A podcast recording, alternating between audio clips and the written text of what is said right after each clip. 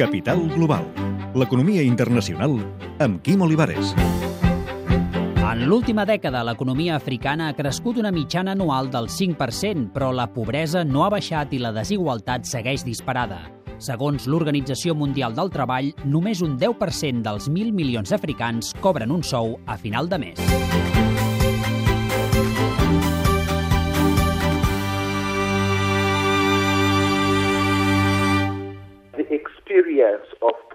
L'experiència de la pobresa és la freqüència amb què la gent se'n va al llit sense menjar, sense accés a l'aigua neta, sense ingressos, sense serveis mèdics i sense combustible per cuinar.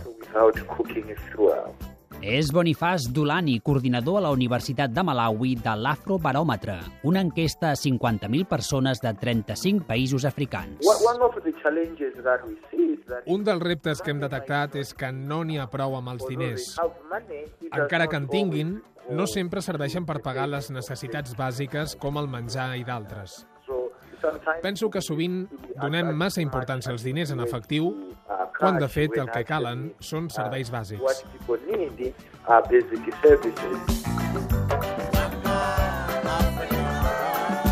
Serveis com el que ens apunta Lluís Renard, director de la Iniciativa per l'Àfrica d'IS. Si una família pot portar els nens a l'escola, doncs té electricitat, millora la sanitat, millora el transport públic, etc etc. no hi ha dubte que això també repercuteix o produeix un, un increment del benestar social, no? de la qualitat de vida. L'Àfrica té al davant molts reptes per aconseguir-los. En repassem alguns.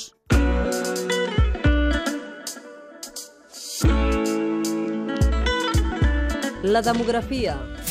L'augment de la població no ajudarà a millorar la qualitat de vida. S'estima que aproximadament a Àfrica són uns 1.000 milions de persones i cap allà l'any 2050 eh, s'espera que siguin poder 2.000 milions de persones, no? Doncs, eh, al calcular la renda per càpita, doncs s'haurà de dividir per les càpites que hi hagin, no? L'agricultura i la pesca. La majoria dels africans treballen en aquests sectors, però és ineficient perquè l'Àfrica ha d'importar els aliments. Kofi Annan és ganès i president de l'African Progress Panel. Baixa productivitat, falta d'inversió crònica i proteccionisme regional vol dir que l'Àfrica ha d'importar massa aliments, tants com 35.000 milions de dòlars el 2011. La gestió dels recursos naturals. L'Àfrica té molta riquesa natural, però la seva explotació no sol ser transparent, sobretot els contractes amb les multinacionals. És evident que fer doncs, una prospecció petroliera per una multinacional o una mina doncs, costa una inversió de molts diners. La, la multinacional que ho fa doncs ho fa esperant que allò li donarà un rendiment, no? però hi hauria d'haver doncs, un repartiment possiblement més just o més equitatiu entre, entre el que es queda, diguem-ne, la multinacional i el que rep el país doncs, que, que li permet fer això. No? La corrupció.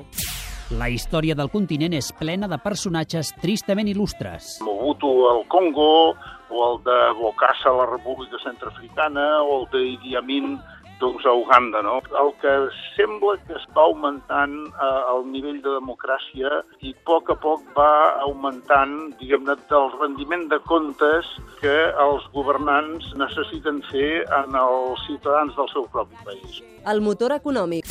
Algunes dictadures ja són història i els canvis democràtics en certs països han permès el sorgiment dels petits empresaris. Està emergint un enorme potencial que no són grans empreses, però la gran trama econòmica que està bullint a Àfrica és el petit empresari que té 5, que té 10 empleats i que ha tingut una idea de negoci que la tira endavant. No?